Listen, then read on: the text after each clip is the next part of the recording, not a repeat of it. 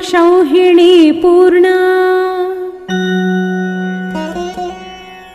यस्याहं पतिरीश्वरः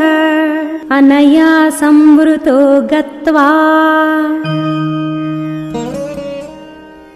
योद्धाहं तैर्निशाचरैः